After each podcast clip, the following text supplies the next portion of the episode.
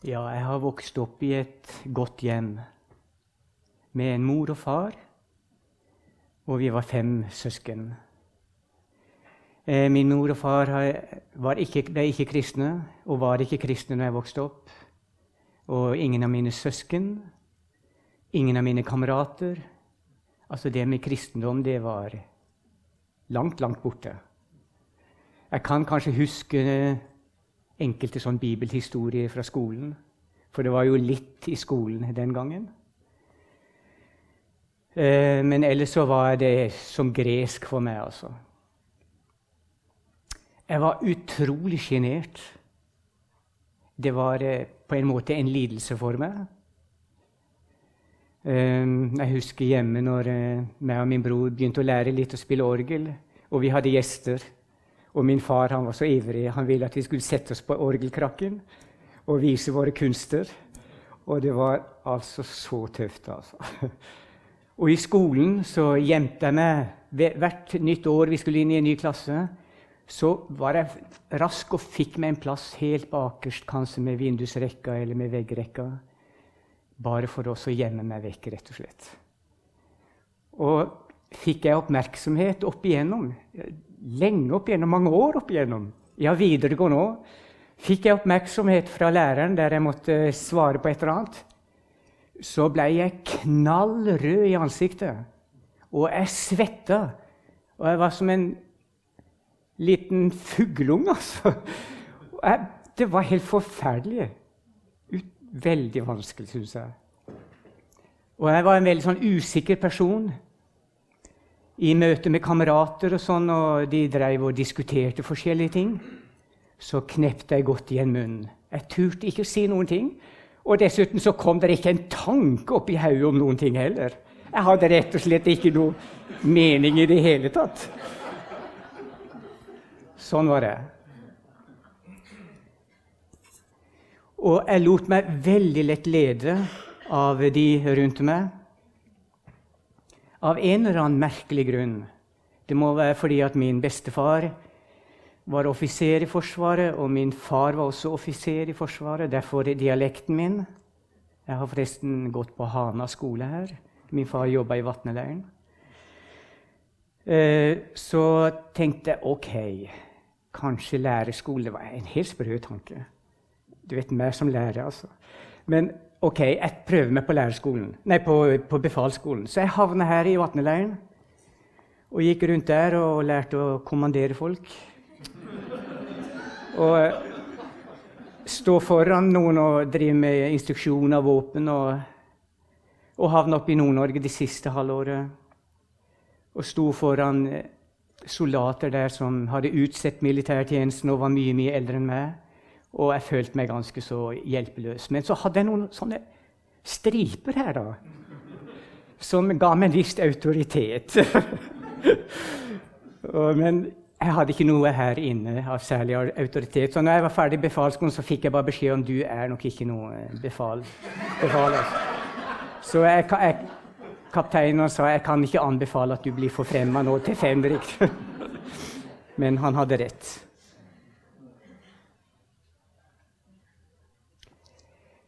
Jeg ble nok påvirka der i Forsvaret de to årene jeg var.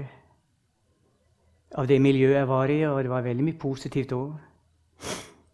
Og rett etterpå så ville jeg ta et år med pedagogikk i Lillehammer. Og på den tiden så var det landets rødeste skole.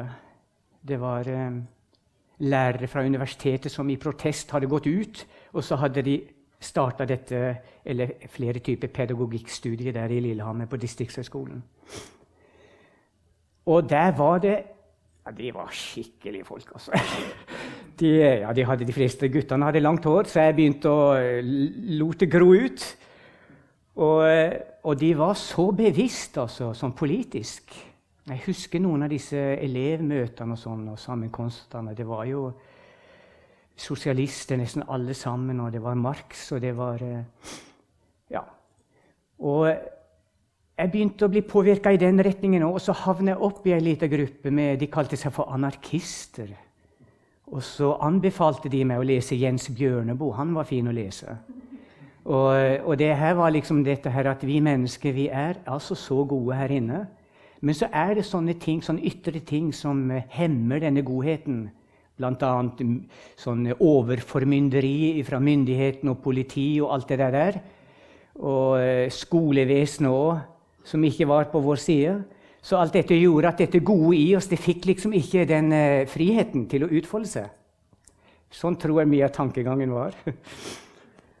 og jeg husker vi tok en tur til Oslo og gikk rundt. Vi var ikke så store gjengen og ropte 'anarki nå'. Og, og jeg husker i Lillehammer, og når det nærmer seg jul, var, så satte vi opp plakater i, i uh, nattens mulm og mørke. Noe sånt som uh, 'Jesus er død', og 'lenge leve handelsstanden'. Kunne kanskje plasserte vi opp på en sånn lekebutikk med krigsleketøy, f.eks. Og uh, ja, det var Sånn, sånn er det. veldig lett påvirkelig. Det er en visesanger i Oslo som synger noe som om å finne meg sjæl. Så jeg var vel kanskje på jakt, da. På leting. Egentlig innerst inne. Og jeg var nok ikke fornøyd med meg sjøl. Så jeg, jeg, jeg lengta nok etter å bli fri ifra sjenansen og usikkerheten og ja, det som jeg opplevde, var litt vondt. da.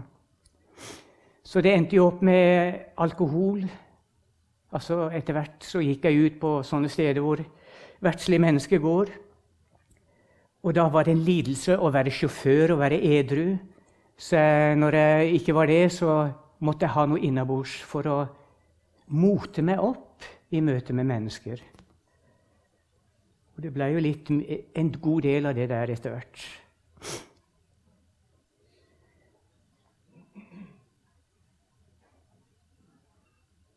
Men så en dag så, så fikk jeg møte noen kristne. De sier om seg sjøl på den tiden på Evje at de var nok litt sløve. Og det, det som fanga interessen min, var egentlig det ytre. For jeg var jo en sånn en hippie, sånn halvveis hippie som kom fra Lillehammer til Evjen. Og dette her var liksom kristne som var interessert i Guds fred-bevegelsen i Oslo. Kan dere huske ja, Jeg er ikke sikkert jeg husker den. Men det var en sånn vekkelsesperiode i Oslo hvor de var veldig opptatt med fellesskap og leve litt enkelt. Og, og ja, det var mye positivt med den, altså. Eh, og, eh, så det var nok de ytre klesdraktene og hår, det lange håret på eh, spesielt en gutt der og sånn, og som, eh, som, gjorde at jeg ble fenga av dem og på en måte fattet interessen og, tok, og fikk kontakt med dem. da. Og ene der skulle jo bli kona mi. Og hun sier sjøl det var en sløv periode for oss. Men når du kom inn i bildet, så ble det som en oppvekker for det. Og det er, det er jo det vi opplever i møte med ikke-kristne, hvor fantastisk godt det er å få sånne nyfrelste eller sånne grønne, grønne folk som er, inn i forsamlingen. Og kunne få lov til å være med og vise vei. Og der var jeg. Og jeg fikk være sammen med dem over tid. Og de leste Guds ord når vi var sammen. Og det var fram med Guds gitaren og sang fra boka 'Kampsanger og fredsviser'. Og så ba de. Og det var den sterkeste delen. at det var noen som hadde kontakt med Gud og ba til Han. Og så fikk jeg jo utfordringen en dag om jeg ville ta imot Jesus som min personlige frelser. Og da hadde jeg jo lyst Jeg kjente det på forhånd at det var en trang etter å få ha det sånn som disse. Men da klarte jeg ikke å si ja, som jeg egentlig ville. Og så ble det helt stille. Og det ble veldig stille lenge, syntes jeg. Og så klarte jeg å hviske fram noe så ubibelsk som dette her. Ja, jeg får prøve, sa jeg. Jeg får prøve. Men så er det jo ikke ubibelsk allikevel. For det står jo Det var det første ordet jeg fikk. Kom og smak og kjenn at Herren er god. Og det var det jeg fikk. Så Gud så til mitt hjerte, og tok meg på ordet. Og jeg fikk en sånn litt lettlest parafrasebibel og begynte å lese i den. Og det var som sagt det første ordet fra Salme 34. Kom og smak og kjenn at Herren er god. Salig er den mann som tar sin tilflukt til Han. Og Jeg ble en kristen og begynte å forsiktig å vitne om dette her, og kjente hvor godt det var å kunne få fortelle det og bekjenne det med min munn. Og det styrka meg i troen. Men på forhånd så hadde jeg avtalt med en ikke-kristen det var før jeg ble en, eh, kristen selv, at vi skulle reise til Afrika. Og Vi skulle kjøpe to kassegitarer, og vi skulle spille litt munnspill. Og så skulle vi tjene på, til livets opphold ved å spille og synge på gata. Litt sånn blues og litt sånn forskjellige ting. Og så skulle vi til Afrika, og så skulle vi være der et halvt år.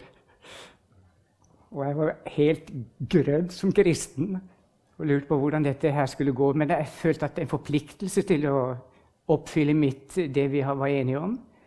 Og jeg fortalte ham, vet du, Han var tvert imot den kristne. Også. Så jeg, jeg fortalte jeg hadde tatt imot Jesus og blitt frelst. Og, og jeg merka at dette her var ikke så populært. Men vi reiste nedover og hadde en liten konsert på en togstasjon i Paris. Og det var siste gangen. For der, der kom det ei fattig dame og la noen skjerver oppi foran oss. Og det syntes jeg var så pinlig. Så etter hvert så solgte jeg gitaren, og så solgte han gitaren. Og så var det ikke så veldig gøy allikevel der nede. Så det var litt eh, snakk om eh, lett tilgang til hasj, som eh, jeg ikke tok imot. Men, men den andre parten gjorde jo det, da. Og, eh, og han var liksom imot meg, prøvde å få få tatt fra meg, følte jeg, den lille, spede tro jeg hadde. Og jeg klarte ikke å forsvare troen på noen som helst måte, men det var noe her inne at jeg ville holde fast til han. Og så var det hjemlengselen som ble for stor etter hvert. Så jeg tenkte på min elskede. Vi hadde sagt på forhånd Jeg hadde bare vært sammen med henne et par måneder at vi skal gifte oss til sommeren. Det var ikke tvil om det, altså. Så jeg følte jeg hadde fått i pose og sekk troen på Jesus og ei kristen jente. Det var veldig sterkt. Så når jeg kom igjen, så etter vi var vel der to og en halv måned, så følte jeg at det var som å begynne litt på nytt igjen. For jeg, jeg var jo litt sløv da. Jeg hadde begynt å røyke. Jeg hadde tenkt at det skulle jeg være kvitt på turen. og sånn. Og, og så har, så jeg hvordan muslimene sånn i de ytre vet du, la seg på takene der og, og ba og tenkte ja, kan det være så Det der ser jo fromt og fint ut. De må være, det må jo være noe med det òg, liksom. Og så kom jeg hjem, og så fikk jeg igjen samfunn med Toril og, og andre kristne der, og kjente det at troen kom på plass igjen. Og, og, kjente veldig behov for å kunne be sammen med kona mi. Det hadde vi ikke gjort inntil da. Og så var det en gang jeg sa til henne Toril, kan vi ikke begynne å be sammen?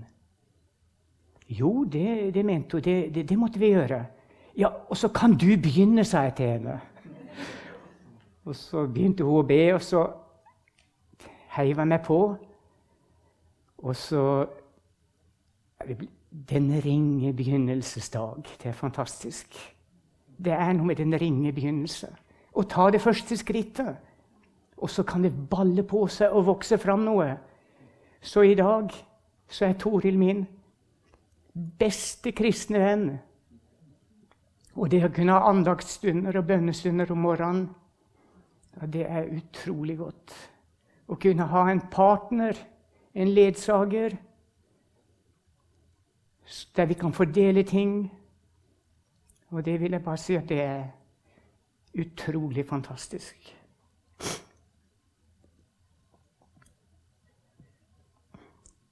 Jeg føler Gud har gjort noe i mitt liv. Selv om jeg kjenner jo på den naturen min, så har det kommet inn noe, noe nytt. Ja, det er noe radikalt nytt.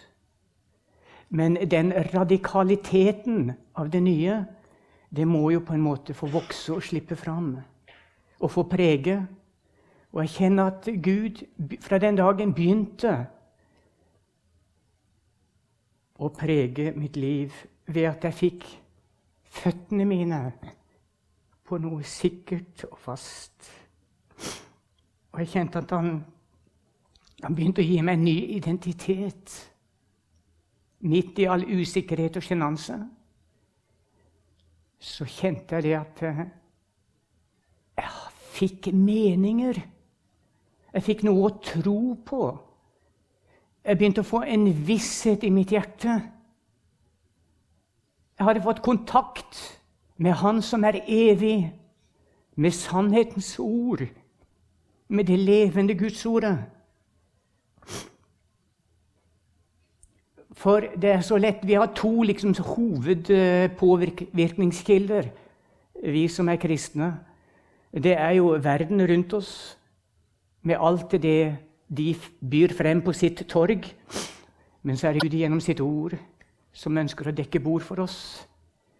Og fastne oss i vår nye identitet. Hva vi har fått i Kristus, og hva vi er i Han.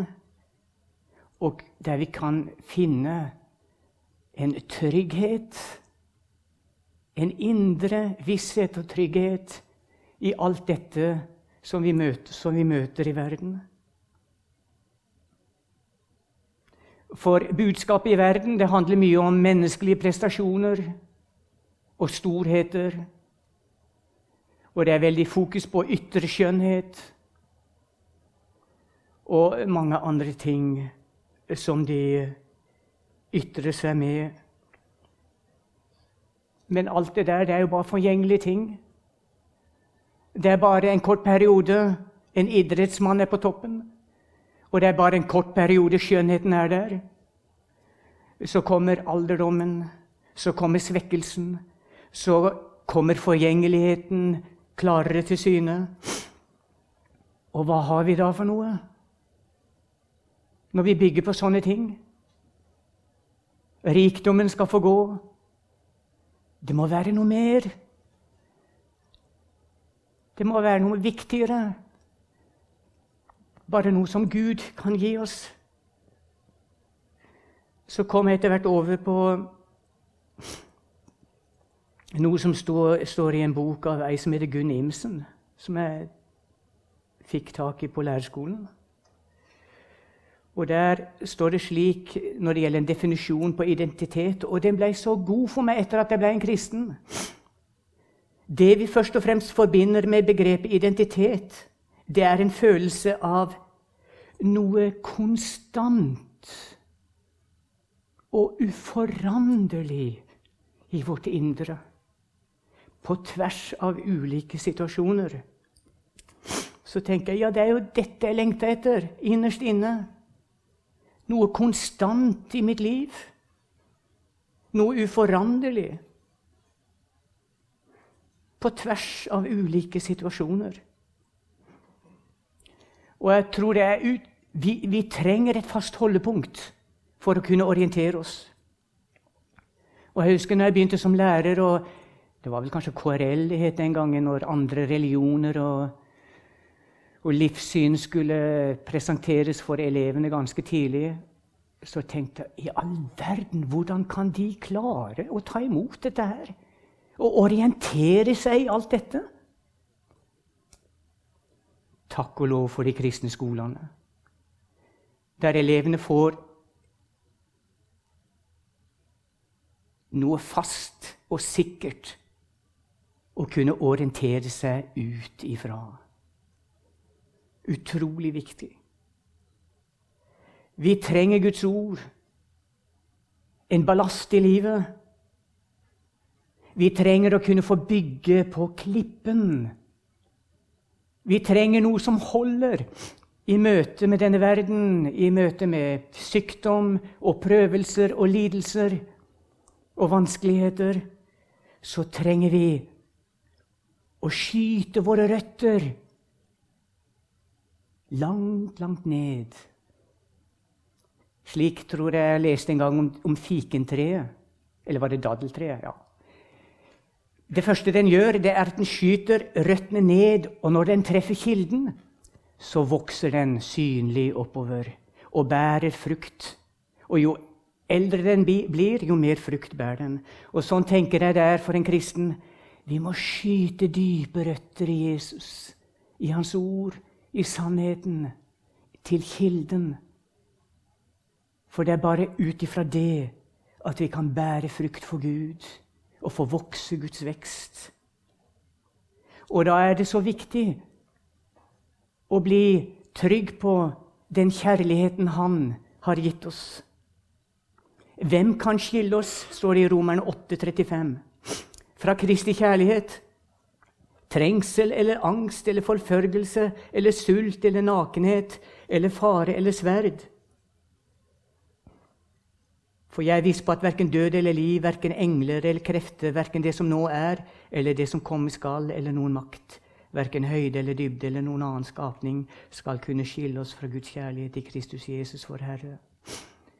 Tenk hvor viktig det er å få eie den vissheten og kjærligheten.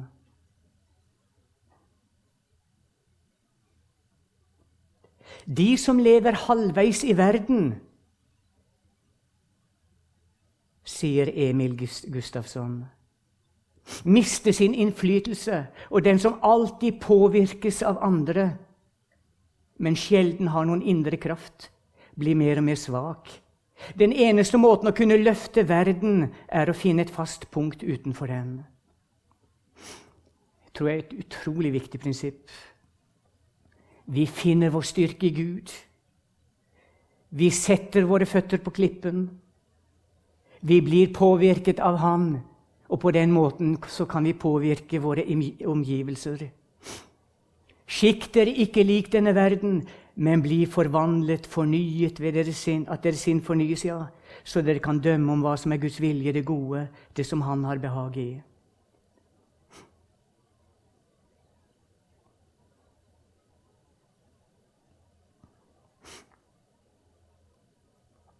Det er noe sterkt fra høysangen. Det er en bekjennelse som vi kan få, som springer ut fra vårt hjerte og vårt samliv med Jesus. Det er bruden som sier det slik. Høysangen 2.1. Nei, jeg tror jeg tar den uh, Høysangen 1.540.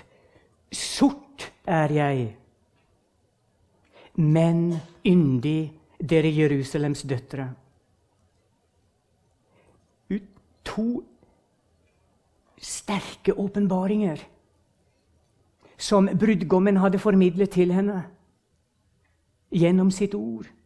Hun hadde fått det fra hans munn. Ja, du er sort. Vi er syndere, som det ble presentert her i foråret. Vi er fortapt i oss selv. Men vi er yndige når vi tar vår tilflukt til Han når vi kommer til tro på Han, så er vi yndige innenfor Gud og yndige i vår brudgoms øyne. For noen dyrebare sannheter. Det var i møte med brudgommen hun hadde sett sin sorthet og blitt avslørt.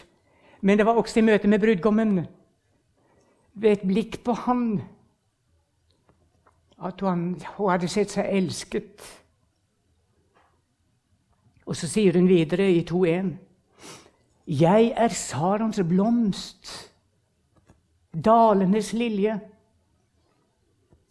Ja, det var vel litt eh, frimod, vel frimodig sagt. Men dette hadde hun også fått fra sin brudgom. Han hadde sagt til henne disse ordene. Du er Sarons blomst. Du er dalenes lilje. Og hun trodde det. Og det smeltet ved troen i hennes hjerte. Og så ble hun så frimodig at hun bekjente det. Tenk at jeg for ham er Sarons blomst, og jeg er en lilje, vakker lilje i dalen. Og så kommer han i neste vers og bekrefter hennes bekjennelse som en lilje blant torner. Slik er min kjæreste blant de unge kvinnene. som en lilje blant torner. Ser du det for deg? Et tornekratt. Og slik var vi. Tornet kan stå som et bilde på forbannelse. Du husker ved fallet så sa Gud til Adam at jorden skulle bære torner og tistler og komme under forbannelse pga. synden. Og du husker også Jesus, hvordan han bar forbannelsen for oss og gikk frivillig inn under Guds vrede. Og en tornekrone ble presset over hans hode. Og vi er av naturen torner. Vi har så lett for å stikke hverandre og også stikke oss sjøl. Men midt i dette tornekrattet så stiger det opp en hvit, fin lilje. Sånn er det vår brudgom ser på oss i Kristus i Jesus. Og det syns jeg er så godt å få erfare. Jeg var en gang en larve som krøyp rundt, og som bare var til ugagn, og som åt opp ripsbærbuskene. Og bare var opptatt av å grafse og ete hele dagen lang. Men så kom der en stor forvandling. Tenk at jeg ble skjult i han en dag. I det verk han gjorde på Golgata. Skjult i Guds rettferdighet. Og så skjedde det noe her inne. Det var at en puppe, den sprakk. Og så kom det fram en sommerfugl. Vi er nye skapninger i Kristus Jesus. Vi er gått fra å være en larve til en vakker sommerfugl i hans øyne. Og sommerfuglen har fått vinger. Og det er som Når vi får del i Guds ord, så løfter det oss opp ifra den dypeste synd og den dypeste selvforakt. Og så løfter den oss opp. Og så ser vi hvor verdifulle vi er for Gud. Og så får vi del i et himmelsk liv med nye vinger. Et nytt element vi er i åndens verden. Vi har samfunn med Han og med Hans folk. Og vår mat blir annerledes. Ja, vi har fått nye organer, en sommerfugl, som den bruker til å skape liv, der den danser rundt fra blomst til blomst og frakter med seg pollen og er med på å skape liv. Og så får den dette nye matorganet sitt som den trekker inn i blomsten og suger himmelsk nektar. Tenk hva Gud har gjort med våre hjerter. Gitt oss en trang og lyst til å spise Han og drikke av Han. Og en trang og lyst i all vår skrøpelighet til å kunne være lys for Han og peke på Han i denne mørke verden. Til slutt et ord fra en som heter Stinissen, som jeg tror det er mye sannhet i. Mange, for ikke å si de aller fleste, har havnet i en identitetskrise. Tenk på dette med kjønn, f.eks. Psykologien, psykoterapien og pedagogikken tilbyr mange muligheter til å overvinne krisen, og de kan sikkert ha sin nytte. Men den dypeste identitetskrise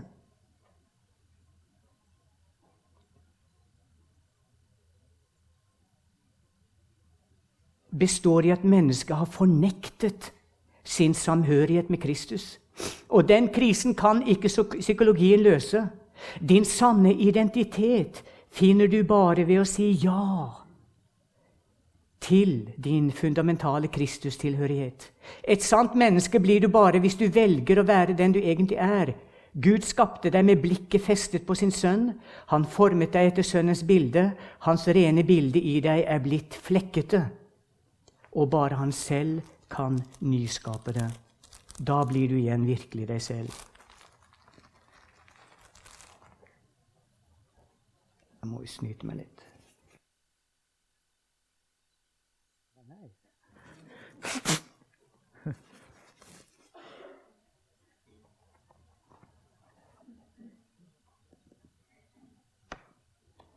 Jeg har funnet meg sjøl. Den viktigste brikken i livet mitt er kommet på plass. Smakk. Jeg er et barn av Gud, elsket av min himmelske Far. Jeg er hans, og han er min. Og han har begynt et verk i all min skrøpelighet. Så la oss holde oss nær til Han. Og når vi kjenner oss elendige og er misfornøyde med oss sjøl, så la oss se hvordan Han ser på oss, og bli fornyet, og igjen få smake på Hans, hans kjærlighet. Nå er tida åtte, tror jeg. Amen. Jeg kan be litt til slutt, kanskje. Kjære Jesus. Jeg ber om at ordet ditt får prege oss, og at vi virkelig får øynene opp, gi oss visdoms- og åpenbaringsånd til kunnskap om deg. Hva du har gjort for oss, Jesus, din lidelse for oss, hva du har ofret, Herre. Åpenbar denne kjærligheten, og la den bevege våre hjerter, så vi hengir oss til deg, Jesus. Og det blir en trang, Herre Jesus, etter å leve for deg den korte tiden vi har igjen.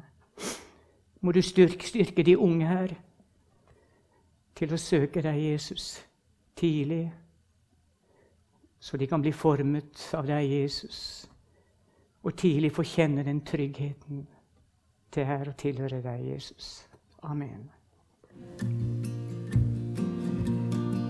Som en kylling under vingen, som et foster skjult i mor har min sjel en sikker trygghet.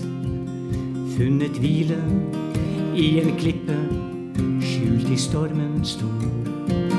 Alle lov og pris til den Gud som trofast verner. Alle dem som har ham kjær. Og så underfull i alle ting han er. som en gren på oljetreet. Som et lem på Kristi kropp finner jeg en stadig styrke. Kjenner kraften av det liv som pumper uten stopp. Hvem kan som han lege all den brist som skjuler seg i hjertet til hver mann? Jesus er jo den som kom med livets vann. Lei, lei, lei, lei, lei, lei, lei. Lei, lei, lei. Lei, lei, lei, lei, lei, lei, lei. Lei, lei, lei, lei. Som et lam på hyrdens skulder som et barn i faderarm kjenner jeg en himmelsk lykke ved å tro meg elsket av en kjærlighet så varm. Gud løfter opp en kraft som bærer gjennom alle ting, som farger livet svart. Gir meg ord som leder ut av mørkets natt. lik en nedtråkt blomst i skitten, lik et ofret blodig land.